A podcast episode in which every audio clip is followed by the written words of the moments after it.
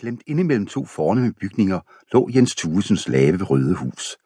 Til højre havde man Gaver Funks anselige gård med prangende stuk og høj trappe, og til venstre doktorens røde stenhus med de store hvide vinduer. Jens Thuesens hus lå lidt beskedent, tilbagetrukken. De fire små vinduer, som hørte til lejligheden, var fyldt med blomster, og midt i butiksvinduet stod en spinderok omgivet af en mængde piber. En jernstang over døren holdt et fint rokkehjul, og over det stod med snirklede bogstaver Jens Thuesen kunststreger. Bogstaverne bestod af små kugler og var omgivet af snirkler og sving. De lignede børn, som holdt frikvarter og var i gang med at lege. Tusens hus var uanseligt sammenlignet med naboernes, men når fremmede gik forbi de tre huse, huskede de kun ét, og det var Tusens. Som med husene var det med folkene, der boede i dem.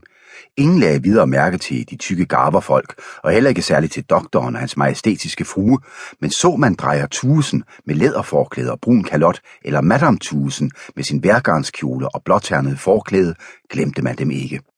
En mild oktoberdag, nogle år før århundredeskiftet, sad en stær i drejerens lille have og sang sin afskedssang mellem rigt blomstrende asters og georginer. Alt derude var idyll. Inde i drejerens hus var der derimod uro og spænding. Oppe i moster Saras værelse stod Martha Thuesen midt på gulvet. Hun strøg hænderne over sin lille trivelige mave, mens hun så på den unge mand, som sad i en lænestol foran hende. Ved vinduet sad moster Sara. Hun var som altid rolig og så på den unge mand med sine kloge øjne. Nu kalder jeg på Jens, udbrød Martha og løb ud. Når hun ikke vidste råd, var Thuesen altid hendes redning. Den unge mand så hen til moster Sara, men hun sagde intet. Hun nøjedes med at smile og sende ham et lille nik. Den unge mand var Nikolaj. Han var 24 år, men så egentlig ældre ud, og der var noget selvsikkert over ham. Han var ikke videre køn, men hans mørke øjne havde bevaret deres glans.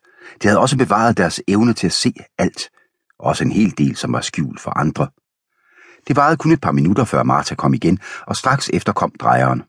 Hvad falder, sagde han og blinkede med sit højre øje, akkurat som han plejede. Det er Nikolaj Tusen. Du kan ikke tænke dig, hvad han vil, begyndte Madame Tusen. Nu siger jeg det, Nikolaj, fortsatte hun.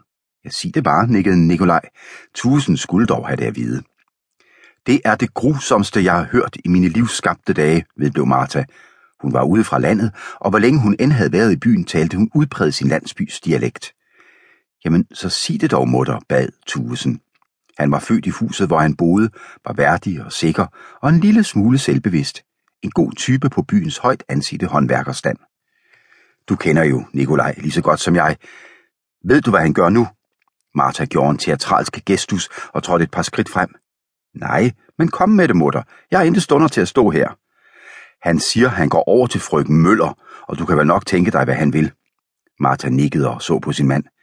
Mig har han ikke sagt et levende ord til, men jeg hørte, han har sagt det til moster Sara. Jeg skulle nok have fortalt det til dig også, Madame Tusen, svarede Nikolaj og vekslede blik med moster Sara. Tusen stod og grundede med rynkede bryn. Jeg kunne ikke ønske mig en bedre mand til frøken Eva, og du kan aldrig få en bedre kone, Nikolaj. Det er naturligvis bare, fordi han sørger over hende tasken, du ved nok, i ordet Madame Tusen. Du vil dulme din sorg, det er derfor, du gør det, tilføjede hun vendt mod Nikolaj. Nå, nå, mutter, så noget skal du ikke gå og tro, protesterede Tusen.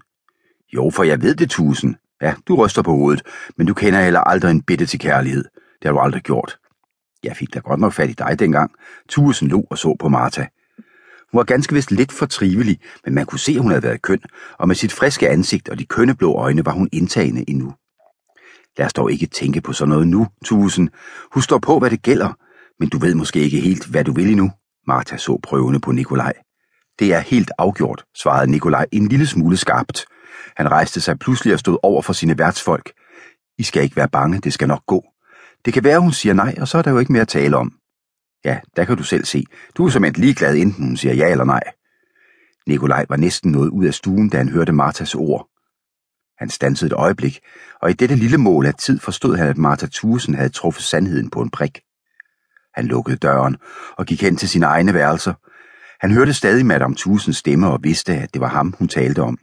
I modsætning til de fleste andre huse, havde Drejer Thusens hus en stor rummelig kvist på bagsiden ud mod haven, og her boede Nikolaj. Der var to værelser. Det forreste var ret stort og hyggeligt med kønne gammeldags møbler. På et bord foran vinduet stod et bur med to kanariefugle, Hans og Grete. Så snart Hans så Nikolaj begyndte den at synge, det gjorde den næsten altid. Under vinduet lå den lille pyntlige have.